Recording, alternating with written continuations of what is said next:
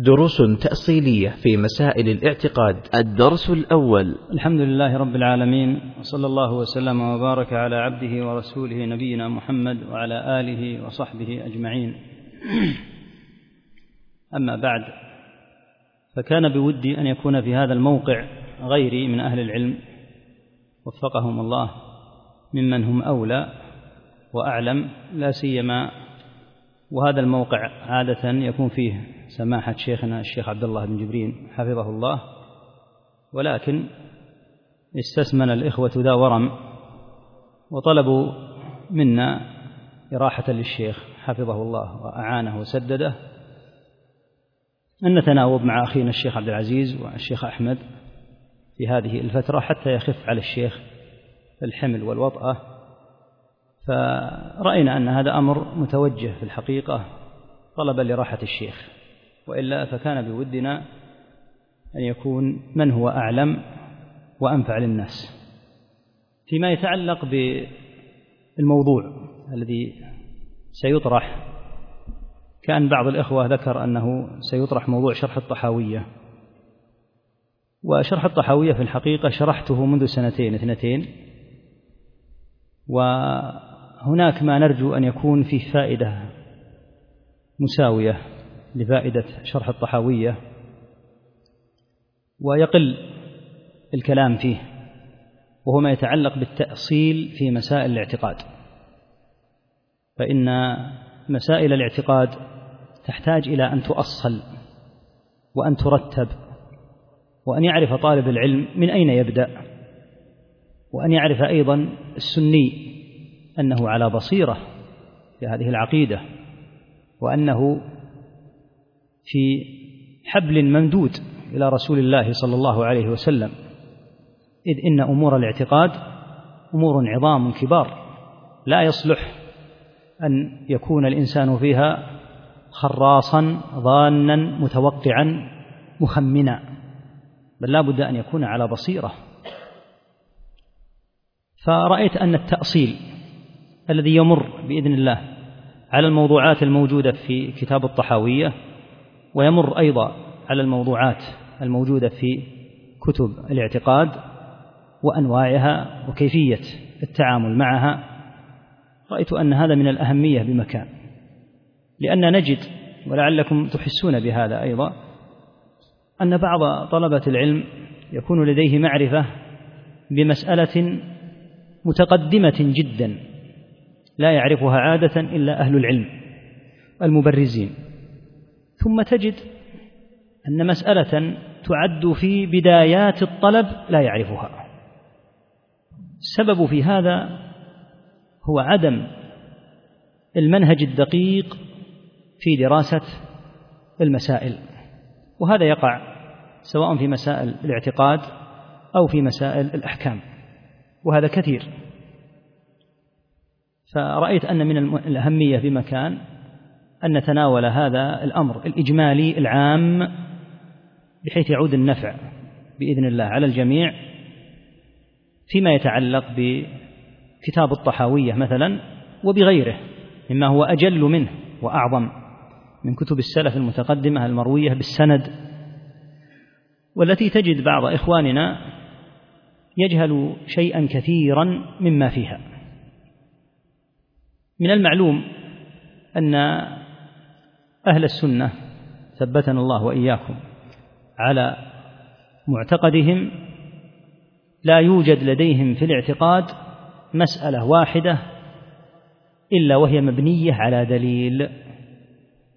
فإذا جاءت مسألة من المسائل التي ليس فيها دليل فإنهم يقولون سكتت الأدلة فكيف نتكلم نحن إذا لم يكن هناك دليل على المسألة. مسألة عقدية غيبية. ليس فيها دليل. فكيف يمكن الكلام؟ لا يمكن الكلام في هذه الحالة. وهذا بإذن الله وحوله سيأتي له نماذج وأمثلة في وقته.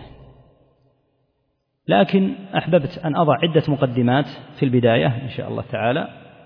أولها حقيقة اعتقاد أهل السنة. حقيقة اعتقاد أهل السنة رحمهم الله أنهم يقولون الاعتقاد على نوعين اثنين. الأول مجمل يعني يكون عنده اعتقاد إجمالي وهو أن يؤمن بالله ورسوله صلى الله عليه وسلم ويقر بجميع ما جاء به هكذا. يقر بجميع ما جاء به وإن خفي عليه شيء مما جاء به لأن إيمان هنا إجمالي. مثل إيمان العوام الذين يكون لديهم إيمان حقيقي ومنجي بين يدي الله ولكن كثيرا من مسائل الاعتقاد التي لا تكون مشهورة وكبيرة تخفى عليهم. فمثلا العامي قد لا يعرف أن في القيامة قنطرة. بعد أن يتجاوز المؤمنون الصراط هذه القنطرة يوقف عليها أهل الجنة فلا يدخلونها حتى يقتص لبعضهم من بعض.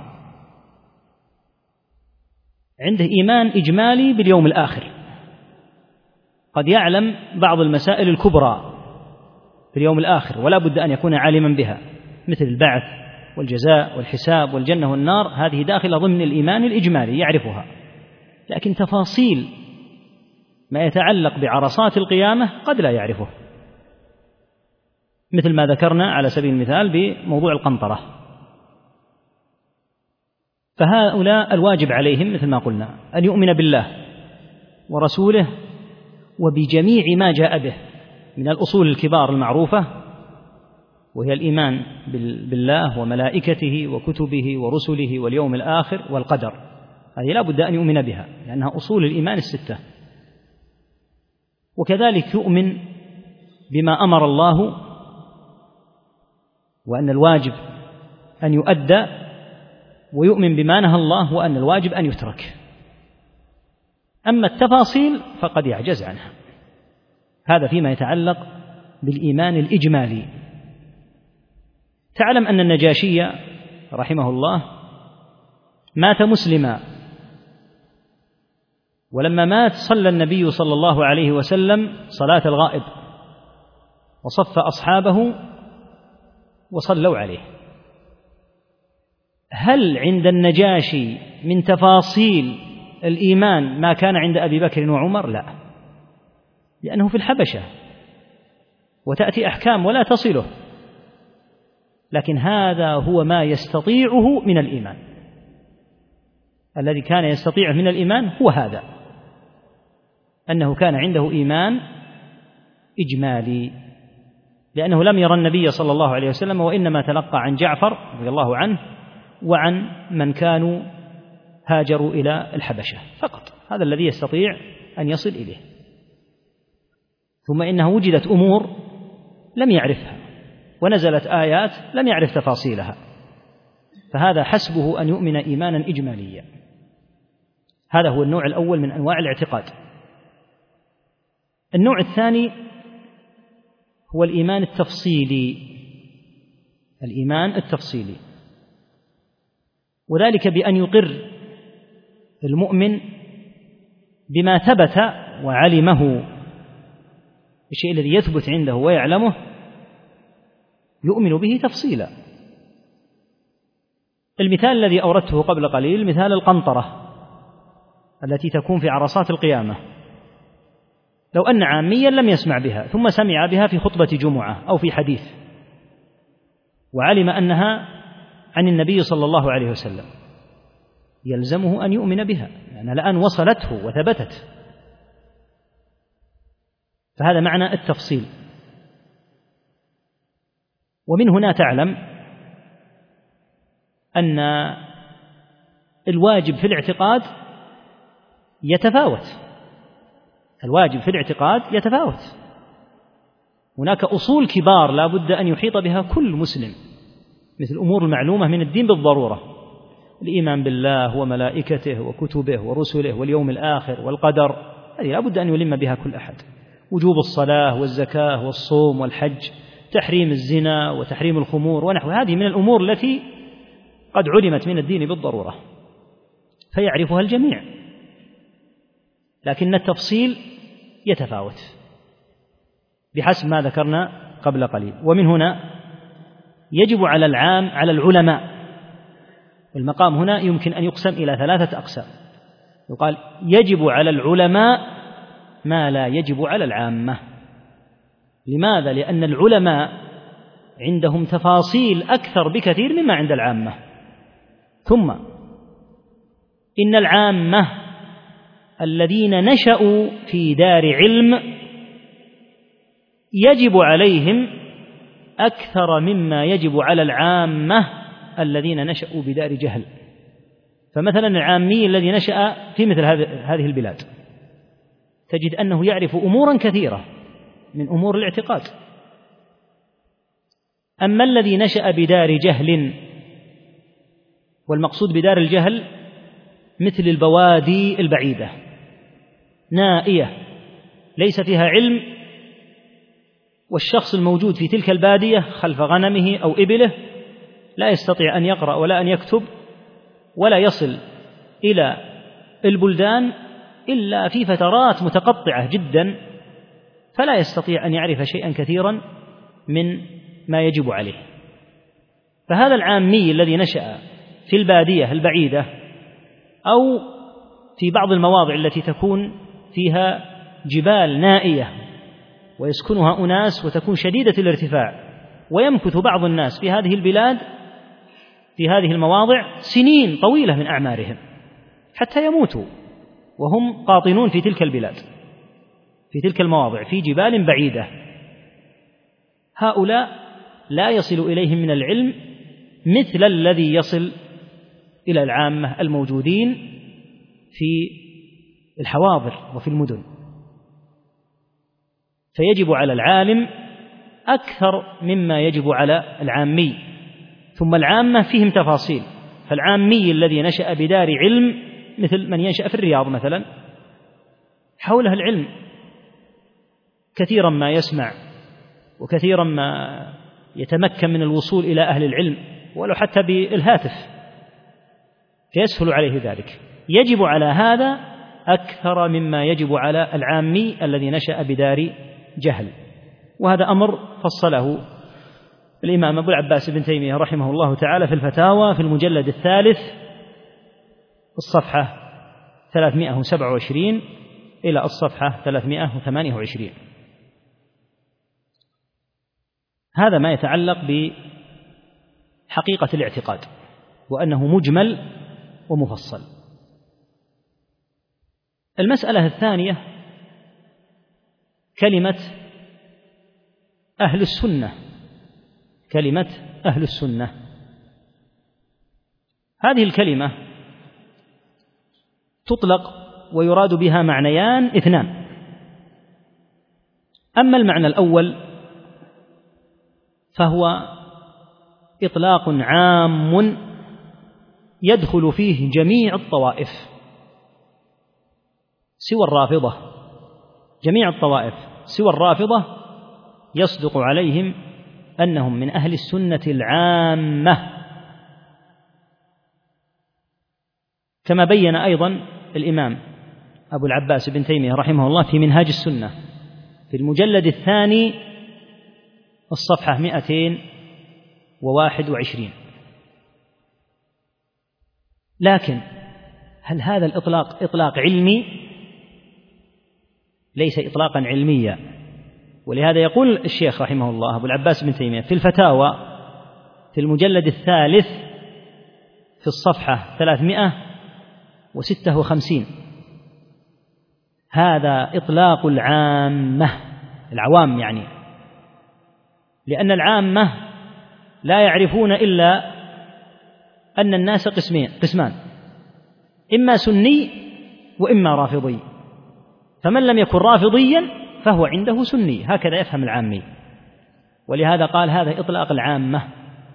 كل من ليس برافضي فهو عنده سني. وهو إطلاق مشهور عند كثير من الناس. ويتداول مثلا بين الأدباء والصحفيين وغيرهم بهذا الإطلاق.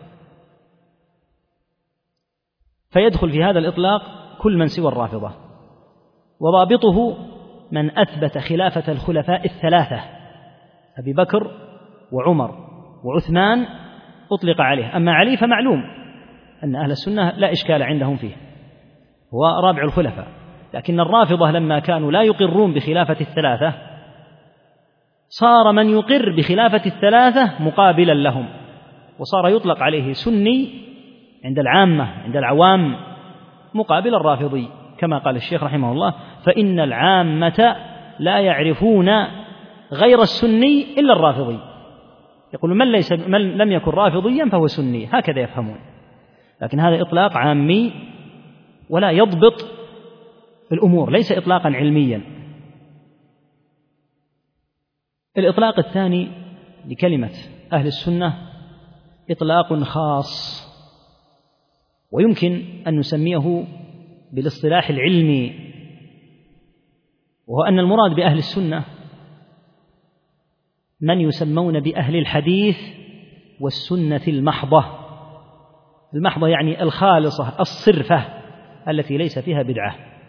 أهل الحديث والسنة المحضة.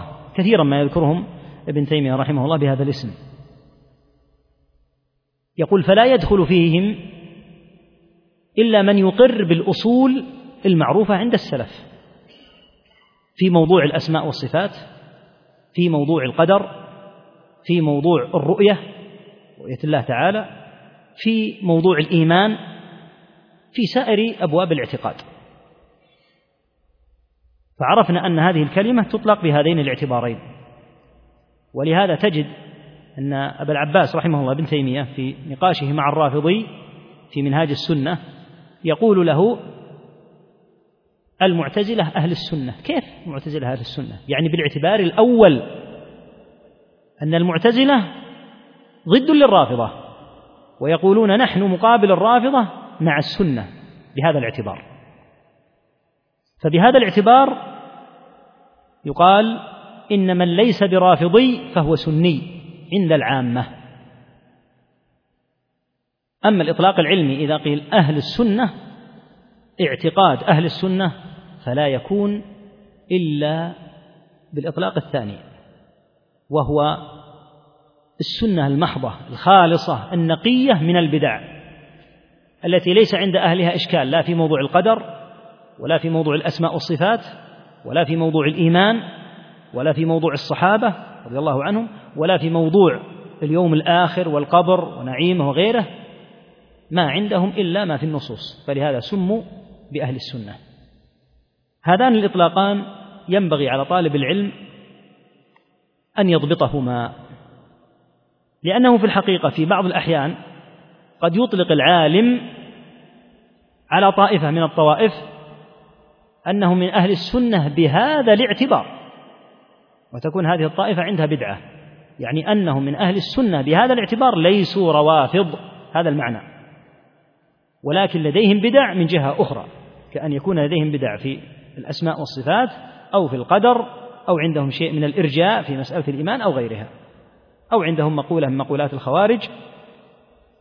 فإذا ضبط هذا وعرف أن أهل السنة تطلق تارة بهذا الاعتبار وتارة بهذا الاعتبار تبين له الأمر. مسألة مرتبطة بهذه وهي خطورة الخلط خطورة الخلط بين أهل السنة العامة وأهل السنة الخاصة. الخلط هنا خطير جدا. وهو ما فعله ابن المطهر الرافضي صاحب كتاب منهاج الكرامة الذي رد عليه ابن تيمية رحمه الله في كتابه منهاج السنة. ابن تيمية رحمه الله لاحظ أن ابن المطهر ينقل عن طوائف مثل المعتزلة أو عن الأشعرية ويقول هو قولكم معاشر أهل السنة. ولهذا في نفس الموضع الذي ذكرته في منهاج السنة في المجلد الثاني صفحة 221 ذكر أنه ينقل عن طوائف من أهل السنة العامة أقوالا وينسبها لأهل السنة والحديث. وهذا من التدليس والتزوير لأن ابن المطهر وأمثاله يعرف أن المعتزلة مثلا غير مرضيين عند أهل السنة من جهة الاعتقاد في مسائل الصفات على سبيل المثال أو في مسألة القدر. لكن إذا زلت المعتزلة بقول قال إن هذا قولكم أهل السنة أو زلت الأشعرية بقول قال إن هذا قول أهل السنة فتفطن له الإمام أبو العباس بن تيمية رحمه الله ونبه على هذا التدليس وبين أنه لا يصلح أن ينسب لأهل السنة في اعتقادهم إلا بالنظر إلى الإطلاق الثاني الذي ذكرناه وهو أهل السنة المحضة الخالصة معنى المحضة الخالصة النقية من شوائب البدع في أي باب من أبواب الاعتقاد. ولهذا لا يجوز لأحد أن يقول إن هذه عقيدة أهل السنة إلا إذا كان يقصد أهل السنة المحضة الخالصة. أما أن يقول هذه عقيدة أهل السنة ثم يقول أقصد عقيدة أهل السنة العامة لا. أهل السنة العامة اصطلاح غير منضبط في أمر الاعتقاد. لأن لو نظرنا إلى عقيدة أهل السنة عند العامة في موضوع الصفات وجدنا اختلافا بينا بين السلف رحمهم الله الذين يقولون بإثبات جميع ما أثبت الله وبين المعتزلة الذين ينفون جميع الصفات وبين الأشعرية الذين ينفون كثير من الصفات سوى سبع. فتتفاوت المسألة. فإذا قيل هذه عقيدة أهل السنة فلا يصلح أن يقصد إلا عقيدة الصحابة. والتابعين ومن سار على نهجهم من أئمة الإسلام كمالك والشافعي والأئمة المعروفين. إذا قيل هذه عقيدة أهل السنة. لكن من حيث التمييز بين الطوائف يقال الشيعة في جهة والسنة في جهة لأن الشيعة تميزوا بمخالفة كبرى. يعني مخالفتهم شديدة جدا في أصل موضوع النصوص وحملتها ونقلتها فالخلاف شديد جدا معهم. بينما إذا نظرت إلى طوائف أخرى تجد أنها تقر كثيرا من النصوص التي عند أهل السنة وإن كانت تتأولها وتحرفها. فهذا أمر ينبغي أن يضبط ضبطا بينا عند طالب العلم حتى لا يكون فيه شيء من الخلل. هذه هي المسألة الأخرى التي تطرح بعد أن طرحنا مسألة حقيقة اعتقاد أهل السنة ومعنى كلمة أهل السنة بالاعتبارين المذكورين. الأمر الثالث أهم أمور الاعتقاد. لو قال لنا قائل ما أمور الاعتقاد الكبرى؟ الرئيسة.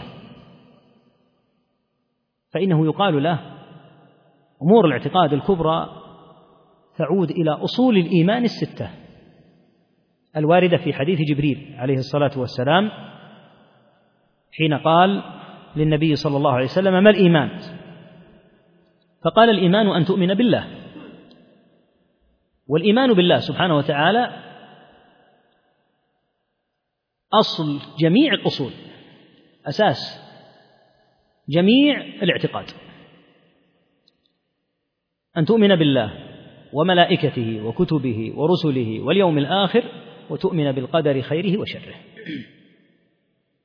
فأساس وأصل ومسائل الاعتقاد الكبرى تعود إلى هذه المسائل المذكورة في حديث جبريل. خذ على سبيل المثال مسألة عظيمة جدا وهي مسألة التوحيد. مسألة التوحيد تعود إلى الإيمان بالله. على كبرها وعظم قدرها وجليلها سواء توحيد الألوهية أو توحيد الربوبية أو توحيد الأسماء والصفات تعود إلى موضوع الإيمان بالله. خذ مسألة أخرى مشهورة جدا وهي مسألة القدر. إلى أي أصل تعود؟ إلى الإيمان بالله أيضا. تعود إلى الإيمان بالله لأن القدر هو تقدير الله سبحانه وتعالى. مع أن مسألة القدر من المسائل الكبار العظيمة الجليلة جدا. ولكنها ترجع مرة أخرى إلى الإيمان بالله.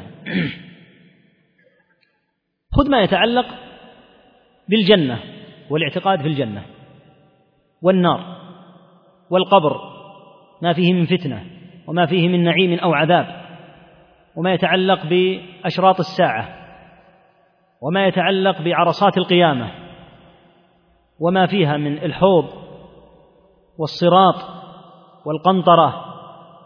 كله يعود مرة أخرى إلى موضوع واحد وهو موضوع الإيمان باليوم الآخر. فهذه الأصول الستة الكبار يرجع إليها أمر الاعتقاد كله ولهذا يصلح أن نقول العقيدة الإسلامية ترجع بأسرها إلى هذه الأصول الستة الإيمان بالله واليوم الآخر وملائكته وكتبه ورسله واليوم الآخر والقدر. هذا ما يتعلق بأمور الاعتقاد الكبار ولعله يأتي بإذن الله وحوله كلام على بعض المسائل الكبيرة مثل مسألة الإيمان وأهم ما يقال فيها مسائلها والمصنفات التي صنفت فيها بحيث يكون طالب العلم إن شاء الله على بصيرة في هذه المسائل. المسألة الرابعة التي تطرح اعتقاد السلف رحمهم الله. كثيرا ما تسمع عن أهل العلم رحمهم من أهل العلم رحمهم الله. هذه عقيدة السلف. هذه الكلمة عقيدة السلف تدل على شيء وهو أن السلف لهم عقيدة واحدة وكذلك الأمر. بخلاف غيرهم فمثلا غيرهم إذا قيل هذا قول المعتزلة. المعتزلة عشرون فرقة. ذكر أبو المظفر السمعاني رحمه الله أن كل فرقة من العشرين تكفر الباقي. تكفرها للتباين الشديد في الأقوال بينهم. فإذا كانوا يكفرون هذا التكفير فيما بينهم فكيف بغيرهم؟ فهم من باب أولى أن يكفروا من سواهم. فكلمة عقيدة السلف تدل على أن السلف لهم اعتقاد واحد هو اعتقاد أبي بكر وعمر وعثمان وعلي رضي الله عنهم وبقية العشرة وأهل بدر والمهاجرين والأنصار. ولهذا يجيب أبو العباس بن تيمية رحمه الله تعالى في الفتوى الحموية لما قيل ما اعتقادكم في مسائل الصفات؟ قال اعتقادنا فيها هو اعتقاد الصحابة من التابع من المهاجرين والأنصار. ما عندهم إلا اعتقاد واحد. وكذلك التابعون لهم بإحسان. الذين اتبعوا الصحابة رضي الله عنهم بإحسان ليس عندهم إلا اعتقاد واحد. فهناك وحدة عقدية في الأمة. ولم تصب الأمة بمقتل أعظم مما أصيبت بالمقتل الذي أصابها لما تشكلت الفرق والطوائف الضالة. فصار الاعتقاد عند هؤلاء غير الاعتقاد عند هؤلاء. ووقع ما نهى الله عنه. حين قال ولا تكونوا من المشركين من الذين فرقوا دينهم وكانوا شيعا كل حزب بما لديهم فرحون. هذا لم يكن في الصحابة رضي الله عنهم أبدا. وهذا ما قاله ابن عباس رضي الله عنهما للخوارج لما ناقشهم. قال ما فيكم أحد من أصحاب محمد.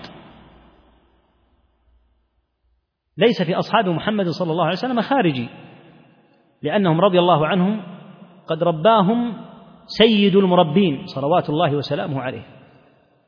فأكرم وأنعم بها من تربية. فصاروا يتلقون التلقي الصحيح السليم البعيد عن الإحداث والبدع. وهذا من أعظم النتائج التي ترتبت على كون السلف رحمهم الله على اعتقاد واحد. أعظم النتائج التي ترتبت على هذا أنهم لم يكن فيهم فرق وأحزاب ولم يكن فيهم شيع كما صار في من بعدهم. وتقدم قول ابن عباس رضي الله عنهما للخوارج ليس فيكم أحد من أصحاب النبي صلى الله عليه وسلم. وقد روى ابن جرير في المجلد الثالث في الصحيفة التاسعة عشرة بعد المئة صفحة مئة وتسعة عشر أن قتادة قال إن الخوارج خرجوا وأصحاب رسول الله صلى الله عليه وسلم يومئذ كثير بالمدينة والشام والعراق وأزواجه يومئذ أحياء. والله إن خرج منهم ذكر ولا أنثى حروريا قط. يعني الصحابة قوله والله إن خرج يعني ما خرج. إن هنا بمعنى لا وبمعنى ما النافيه فإن كلمة إن تستخدم للنفي في بعض المواضع. فقوله والله إن خرج يعني والله ما خرج منهم ذكر ولا أنثى حروريا قط. لأن الصحابة رضي الله عنهم أجل وأرفع من أن يدخلوا في اتباع أحد بعد النبي صلى الله عليه وسلم. إذ هم يصدرون عن قوله صلوات الله وسلامه عليه فإذا رفع مبتدع رايته فإنهم لا يعينونه ولا يسايرونه ولا يمشون معه. إذ اكتفوا بإمامة محمد صلوات الله وسلامه عليه. هذه هي النتيجة الأولى. النتيجة الثانية ويأتي لها بإذن الله. أيضا شيء من التفصيل عند الكلام على عموم أهل السنة. النتيجة الثانية في وحدة عقيدة السلف شدة استمساكهم بالنص. شدة استمساكهم بالنصوص. إذا جاء الواحد منهم النص رمى بكلامه عرض الحائط ولم يقدم على النص شيئا. وفي الوقت الذي اشتد استمساكهم بالنص اشتدت حروبهم للمبتدعة بلا أدنى هوادة. لأن الإنسان إذا كان نقي الثوب طاهرا لا يرضى بأن يدنس هذا الثوب بأدنى دنس. والبدعة تدنس المجتمع المؤمن النقي الماضي على السنة. ولهذا كانوا رضي الله عنهم وأرضاهم شديدي الحرب للبدعة ولأهلها. ولذلك نماذج كثيرة جدا نأخذ بعضا منها. من أشهر هذه النماذج ما وقع زمن عمر رضي الله عنه الخطاب حيث كان رجل يدعى صبيغ بن عسل التميمي يسأل عن متشابه القرآن يكثر السؤال عن الأمور اللي فيها نوع من الوعورة والصعوبة والغرابة والتي قد يترتب على طرحها شيء من الارتباك عند بعض الناس. فسمع به عمر رضي الله عنه فقال اللهم أمكنني منه. يدعو بأن يمكنه الله منه حتى يعاقبه.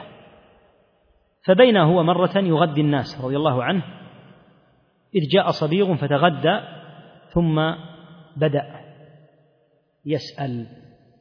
فساعة سأل عرفه عمر مباشرة لأنه كان يسأل أسئلة المتكلفين أسئلة فيها نوع من التكلف. فقال من أنت؟ قال أنا عبد الله صبيغ. لاحظ حتى التكلف في عبارته. ما قال أنا صبيغ مباشرة قال أنا عبد الله والعادة أن العبارة ذي هذه يقولها عادة يقولها الحكام والخلفاء يقول من عبد الله أمير المؤمنين فلان وشخص عادي قال أنا عبد الله صبيغ فقال رضي الله عنه وأنا عبد الله عمر. ثم كان قد أعد له عراجين من عراجين المدينة فضربه ضربا مبرحا حتى سال الدم على عقبيه. كما روى الدارمي وقال ابن حجر وابن كثير سنده صحيح. فلما ضربه هذا الضرب الشديد قال يا أمير المؤمنين إن كنت تريد أن تداويني فقد والله برئت وإن كنت تريد أن تقتلني فاقتلني قتلا جميلا. لا تضربني هذا الضرب حتى أموت. ضربني بالسيف واقطع رقبتي وأرحني. إما هذا الضرب فسيهلكني. أما إن كان قصدك علاجي من الدخول في مثل هذه المسائل فقد والله برئت. شفيت فكتب رضي الله عنه إلى أبي موسى الأشعري في الكوفة وسيره إلى الكوفة ألا يجالسه أحد لا يجلس معه أحد نهائيا. فلما رجع للكوفة ودخل على الحلقة عدد من الناس يريد أن يجلس معهم يقومون ويتركونه.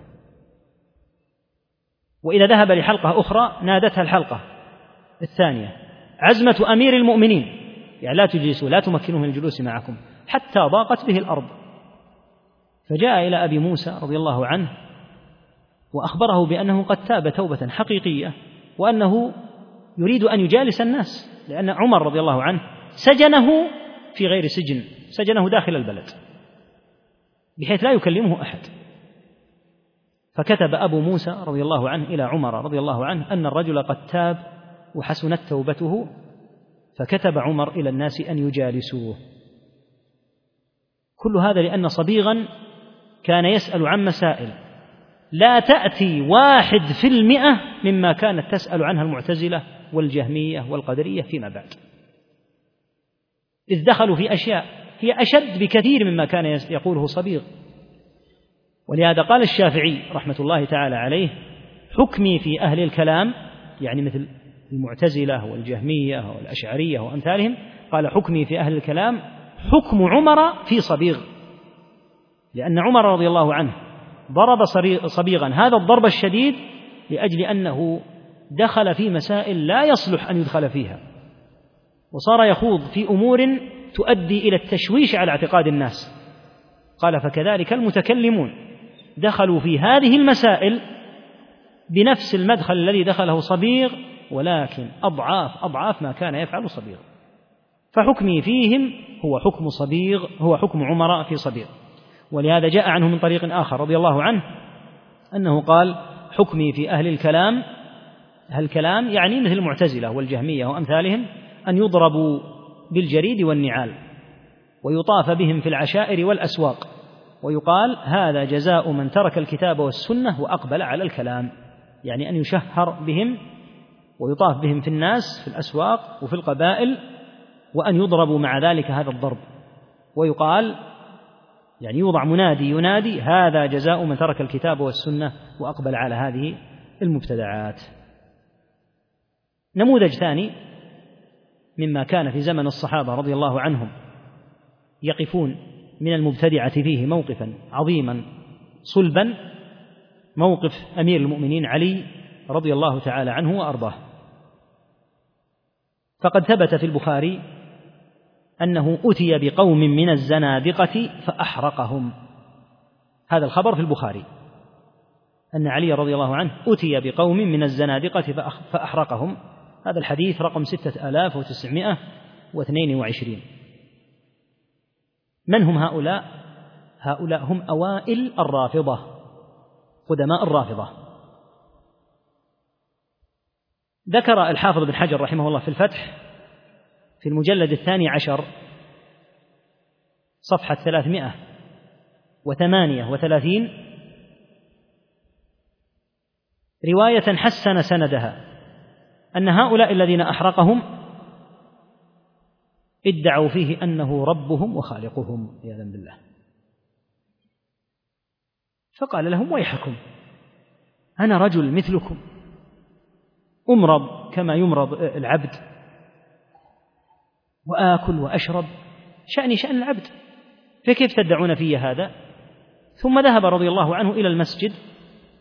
ظن أنه قد أنهى بذلك بدعتهم. قالوا له إنك ربنا فقال لا لست بربكم. المفترض أن تنتهي هذه الشبهة. فرجعوا. وفي اليوم الثالث أخبر رضي الله عنه أنهم على الباب وأنهم يدعون هذه الدعوى فهددهم أن يقتلهم قتلة ما قتلها أحد. وهذه القتلة هي إحراقهم بالنار. فخد أخاديد في الأرض رضي الله عنه وصار يلقي الحطب. وفيها بيت الشعر المشهور عنه عليه رضوان الله لما رأيت الأمر أمرا منكرا أججت ناري وأمرت قنبرا قنبر هذا أحد غلمانه. فأوقد النار. قال إما أن ترجعوا عن مقولتكم وإما أن أقذفكم في النار. فتساقطوا فيها والعياذ بالله. فكان قتله بالحرق. رأى أنهم لا يقتلون بالسيف. مع أن ابن عباس رضي الله عنهما انتقد هذا. وقال لو كنت أنا يعني موضعه رضي الله عنه لقتلتهم لأن النبي صلى الله عليه وسلم قال من بدل دينه فاقتلوه ولما أحرقتهم لأن النار لا يعذب بها إلا الله. فلما بلغ ذلك عليا رضي الله عنه شعر بأن كلام ابن عباس صحيح فقال ويح ابن أم الفضل ما أسقطه على الهنات.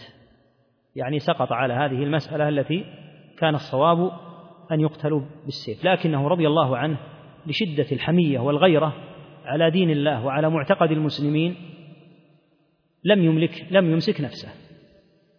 فأجج النار وقتلهم بالقذف فيها. عليه رضوان الله وأجزل له المثوبة. أنها مقولة خطرة. ووجدت فيما بعد وصار يؤله تأليها عياذا بالله. وصار يدعى فيه ما يدعى في الرب. لكنه ما قصر عليه رضوان الله. هو قتل سلف هؤلاء وصارت عبرة لمن يعتبر فكونه يعبد بعدما مات لا ذنب له كما قال الله عن عيسى وكنت عليهم شهيدا ما دمت فيهم فلما توفيتني كنت أنت الرقيب عليهم. في زمنه حين كان حيا وحين كان خليفة ما قصر أبادهم لكن فيما بعد لا ذنب له رضي الله تعالى عنه وأرضاه. ومن أيضا النماذج على شدة الصحابة رضي الله عنهم على البدعة النموذج المشرف الذي وقفه صغار الصحابة زمن النبي صلى الله عليه وسلم ثم لما امتدت بهم السنين صاروا الكبار في الأمة حين خرجت القدرية الأوائل. القدرية الأوائل معبد الجهني وجماعته وجماعته خرجوا في وقت كان فيه أصحاب النبي صلى الله عليه وسلم متوافر منهم من كانوا صغارا زمن النبي صلى الله عليه وسلم. على رأسهم ابن عمر وابن عباس وأبو سعيد الخدري وأنس بن مالك وواثلة ابن الأسقع رضي الله تعالى عنهم وأرضاهم ممن كانوا صغارا زمن النبي صلى الله عليه وسلم. فوقفوا من القدرية موقفا شديدا جدا. وأول حديث في صحيح مسلم بعد المقدمة هو الحديث الذي يرويه عن ابن عمر رضي الله عنهما حين سئل لما خرج معبد الجهني ومن معه في البصرة. فلما بلغ ابن عمر رضي الله عنهما قولهم في القدر قال فإذا لقيت أولئك فأخبرهم أني بريء منهم. وأنهم براء مني. قال أهل العلم هذه المقولة تدل على تكفيرهم لأنهم والعياذ بالله كانوا يجحدون حتى العلم حتى علم الله يقولون لا يثبت لله.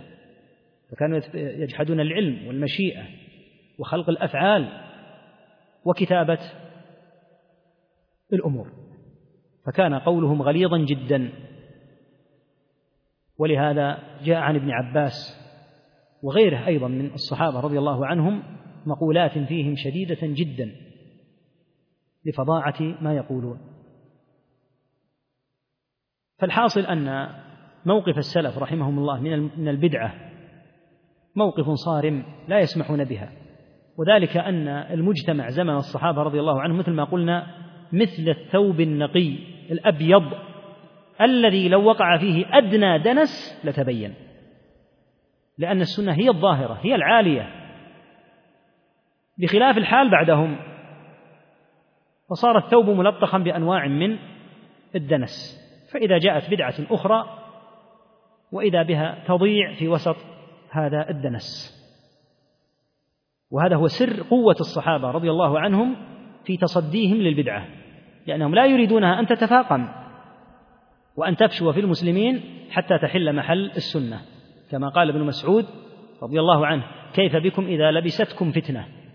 يشب فيها الصغير ويهرم عليها الكبير وإذا غيرت قيل غيرت السنة وهي بدعة أصلها لكن شبوا عليها وهرموا عليها فصارت في نظرهم بمثابة السنة. المسألة الخامسة التي نطرحها أين نجد اعتقاد السلف؟ أين نجد اعتقاد السلف؟ ما دمنا مربوطين بالسلف رحمهم الله. أين أجد قول أبي بكر وقول عمر وقول ابن عباس وهؤلاء الأخيار رضي الله عنهم في الاعتقاد لأنهم أئمة؟ كما قال الله عز وجل والذين جاءوا من بعدهم يقولون يقولون ربنا اغفر لنا ولإخواننا الذين سبقونا بالإيمان. فهم أئمة لنا عليهم رضوان الله.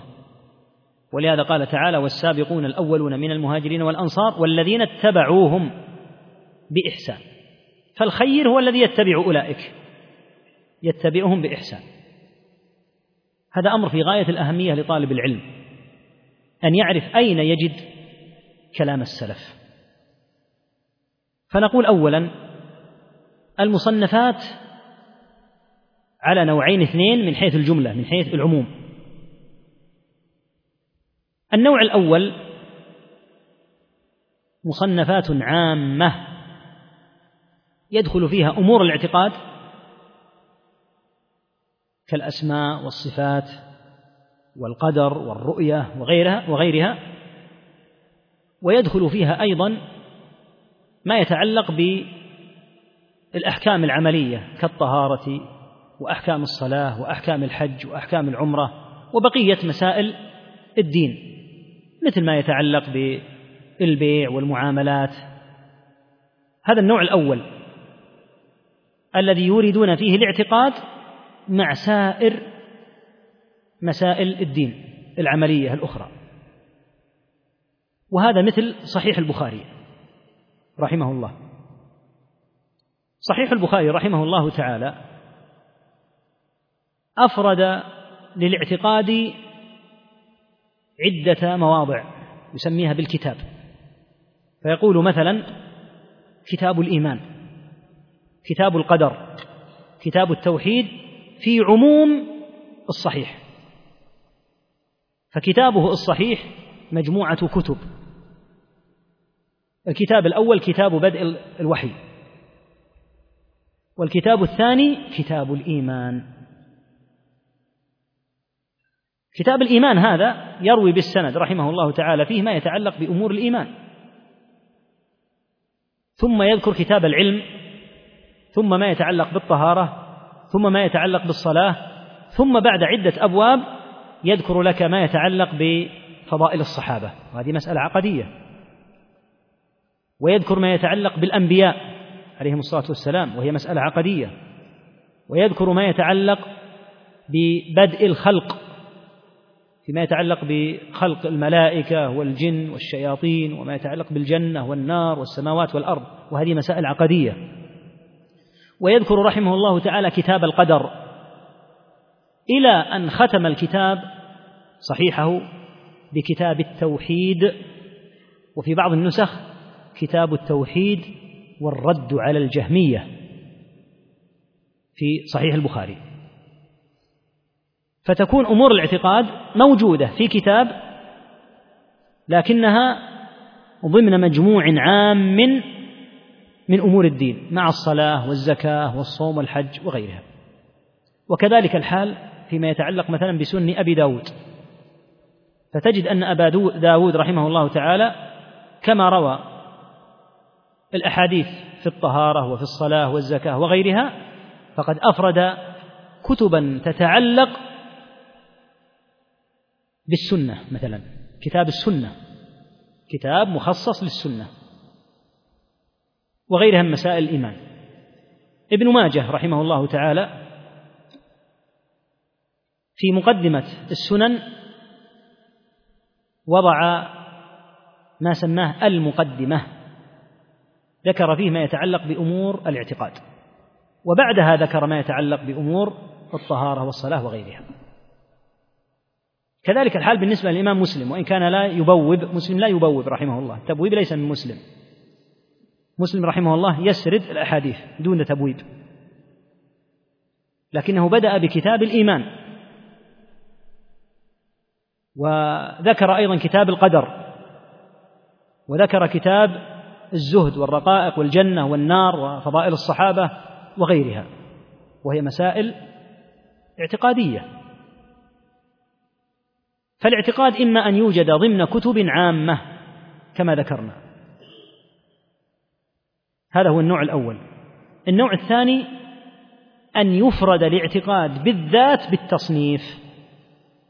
فتصنف مصنفات خاصة بالعقيدة ليس فيها ذكر لا للصلاة ولا للزكاة وأحكامها ولا للطهارة.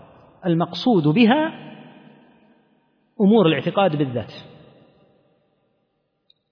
ومن أول من فعل هذا حماد بن سلمة رحمه الله وعبد الرحمن ابن مهدي وعبد الله ابن عبد الرحمن الدارمي صاحب السنن رحمهم الله جميعا. هؤلاء من المتقدمين. أفردوا كتبا خاصة يروون فيها الأحاديث والآثار المروية في مسائل الاعتقاد بالذات. يروونها بالسند رحمهم الله. كما يروي البخاري ومسلم وغيره يروونها بالسند عن النبي صلى الله عليه وسلم. العلماء من بعدهم مضوا على هذا وسموا كتبا باسم السنة مثل كتاب السنة لعبد الله بن الإمام أحمد. والسنة هنا ليست السنة المشهورة عند الفقهاء. ما يثاب فاعله ولا يعاقب تاركه. لا السنة هنا معناها الاعتقاد. الذي إذا خولف فالمخالف مبتدع. هذا معناه. وكثير من الكتب أطلق عليها السنة كالسنة لعبد الله وشرح أصول اعتقاد أهل السنة للالكائي وغيرهم. وهم أيضا يروون بالسند. فتجد الروايات عن أبي بكر عن عمر عن عثمان عن علي عن بقية المهاجرين عن متقدمين من المتأخرين من الصحابة كابن عمر وابن عباس عن التابعين كسعيد بن المسيب وفلان وفلان. مجموعة تجدها مسندة. وتستطيع أن تعرف هل السند صحيح أو غير صحيح. وقد تسمى هذه الكتب العقدية باسم الشريعة ككتاب الشريعة الآجري والإبانة عن شريعة الفرقة الناجية لابن بطة. وقد يسمونها بكتاب التوحيد ككتاب التوحيد للإمام ابن خزيمة رحمه الله. وصنف في المصنفات العقدية كثيرون كالدار قطني والطبراني وأبي الشيخ وغيرهم رحمهم الله وغيرهم رحمهم الله تعالى. فإما أن تكون إذن مسائل الاعتقاد ضمن الكتب العامة التي تصنف في أمور الدين التي تشمل الاعتقاد ومسائل الأحكام العملية كالصلاة والزكاة وغيرها وإما أن تفرد في كتب خاصة. وفي بعض الأحيان بسبب الاعتناء والاهتمام بمسألة من المسائل يفردون مسألة بالتصنيف كأن يصنف كأن يفردوا القدر بالتصنيف كما فعل مثلا الفريابي. صنف مصنفا في القدر وغيره كثير من صنفوا في القدر. أو أن يصنف في الرؤية رؤية الله سبحانه وتعالى. ويذكرون فيها ما يتعلق بالأسانيد بالروايات عن النبي صلى الله عليه وسلم وعن أصحابه وعن التابعين رضي الله تعالى عنهم. لماذا؟ حتى يكون السني على بصيرة. إذا قلنا يجب اعتقاد هذا فإننا نقول اطمئن. هذا الاعتقاد الذي نوجب عليك أن تعتقده هو اعتقاد محمد صلى الله عليه وسلم. بدليل هذه الرواية رواها البخاري رواها مسلم وهي اعتقاد المهاجرين والأنصار. بدليل ما ثبت عنهم رضي الله عنهم فيما رواه اللالكائي فيما رواه الإمام أحمد فيما رواه عبد الله في السنة فيما رواه آه، ابن مندة في كتاب الإيمان وهكذا. بحيث يكون الإنسان على بصيرة. وهذا ما ينبغي لطالب العلم أن يدرج نفسه ليترقى إليه. الاهتمام بالمصنفات الموجزة جيد وطيب جدا لكن ينبغي أن لا يقف طالب العلم عند هذا حتى يكون على بصيرة بحيث يوصل هذا الاعتقاد إلى رسول الله صلى الله عليه وسلم ويربطه به وبأصحابه وبالتابعين رضي الله تعالى عنهم. ونتم إن شاء الله بقيته.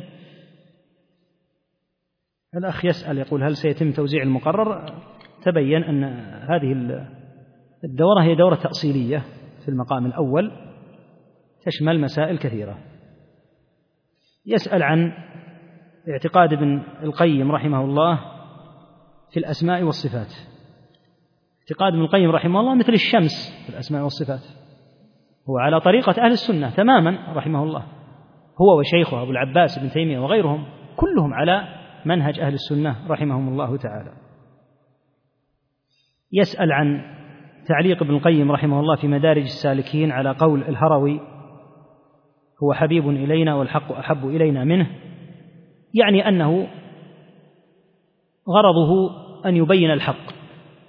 فإذا خالفه أبو إسماعيل فإنه ينبغي أن يقال هذا خطأ ولا تترك هذه الأمور العظام تضيع مراعاة لخاطر أحد فإذا أخطأ هو أو غيره فإنه يبين خطأه. يسأل هذا عن حرقوص بن زهير وأنه كان من الصحابة ومع ذلك فهو من الخوارج. الرجل الذي وقف بين يدي النبي صلى الله عليه وسلم وقال يا رسول الله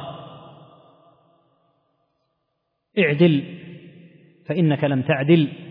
فقال عليه الصلاة والسلام إنه يخرج من ضئضئ هذا قوم تحقرون صلاتكم مع صلاتهم وصيامكم مع صيامهم إلى آخره. هذا رجل حكم النبي صلى الله عليه وسلم عليه بأنه من الخوارج كما أنه وجد في زمن النبي صلى الله عليه وسلم أناس منافقون يظهرون الإسلام ويبطنون الكفر وإنما المقصود أصحاب النبي صلى الله عليه وسلم الذين استمروا على حاله. أما الذين ضلوا حتى في نفس حياة النبي صلى الله عليه وسلم هؤلاء لا عبرة بهم من المرتدين وأمثالهم أو من أمثال حرقوس. أخ يقول الناس على فطرة ما ينبغي استعمال الوقت في العقيدة والتوحيد. نقول هدي الأنبياء صلوات الله وسلامه عليهم أجمعين والاعتناء بالتوحيد كما سيأتي في المقام الأول. لقد أرسلنا نوحا إلى قومه فقال يا قوم اعبدوا الله ما لكم من إله غيره. وإلى عاد أخاهم هودا فقال يا قوم اعبدوا الله ما لكم من إله غيره. وإلى ثمود أخاهم صالحا فقال يا قوم اعبدوا الله ما لكم من إله غيره. وإلى مدين أخاهم شعيبا فقال يا قوم اعبدوا الله ما لكم من إله غيره. والآية الشاملة العامة ولقد بعثنا في كل أمة رسولا أن اعبدوا الله واجتنبوا الطاغوت. فالعناية بالعقيدة والتوحيد هي سبيل الأنبياء وطريق الأنبياء جميعا من أولهم إلى آخرهم. أرأيت نوحا؟ كم مكث؟ ألف سنة إلا خمسين عاما. يدعو إلى ماذا؟ إلى التوحيد ونبذ الشرك. فالذي يزهد في العقيدة وفي التوحيد إما جاهل لا يدري بعظم وكبر شأنها وإما زائغ في المعتقد يريد أن يسكت على معتقده ويقول كما قالت كفار قريش للنبي صلى الله عليه وسلم اعبد إلهنا سنة ونعبد إلهك سنة ونصطلح بما يضيع الحق ويظهر الشرك ولا يجلي التوحيد وهذه خيانة لله ورسوله. الواجب أن يجهر بالحق وأن يبين وأن يظهر كما فعل النبي صلى الله عليه وسلم. فمن رضي فله الرضا ومن سخط فلن نكون أحسن حالا من من قبلنا. وإذا كان رسول الله صلى الله عليه وسلم كما في البخاري في وصفه محمد فرق بين الناس يعني أنه يدعو إلى الحق فيفترق الناس. أناس على الحق يتبعونه وأناس على الباطل يخالفونهم. فلا بد من هذا. لكن المؤمن يدعو على بصيرة ويدعو بالتي هي أحسن ويرغب الناس قدر ما يستطيع. فإن قبلوا فالحمد لله وإن أبوا فالله عز وجل ما كلفنا الهداية. أخ يسأل عمن ينثر الحلوى أو النقود في الأعراس والمناسبات وبعض النقود مكتوب عليها كلمة التوحيد. هذا ملحظ جيد في الحقيقة أنه يعني هذا يسمى النثار. أن بعض الناس في الزواجات وأمثالها يأخذ مالا كدراهم أو دنانير فينثره ومن شاء أخذ. ولأهل العلم خلاف في هذه الصورة هل تصلح أو لا تصلح؟ لكن من الدناءة أن يشترك الإنسان في مزاحمة الناس على هذا الحال. لكن ما ذكره من وجود أسماء الله فيها مما ينبغي أن يلاحظ. حتى على القول بجوازه. من أهل العلم من جوزه ومنهم من منعه. أخ يقول ما حكم النوم في المسجد؟ علما بأنه تعثر عدم وجود شقة. وأنا كنت مسافرا فلم أجد ما حولي إلا المسجد فكنت فيه وكنت في آخر الليل. لا إشكال في هذا. ما في هذا أدنى إشكال. كان ابن عمر رضي الله عنهما كما في البخاري ينام في المسجد لكن يخشى الذي يجعل الناس يتهيبون يخشى أن يضر المسجد أو يسرق أو نحو ذلك. أما أصل الأمر لا إشكال فيه. أن ينام في المسجد ما في هذا إشكال. الأسئلة كثيرة ولكن نحب أن نلتزم الوقت لأن الأخوة حددوه بالخامسة. فلعلنا إن شاء الله أن نرى الأسئلة في يوم غد. والله أعلم وصلى الله وسلم على محمد وآله وصحبه.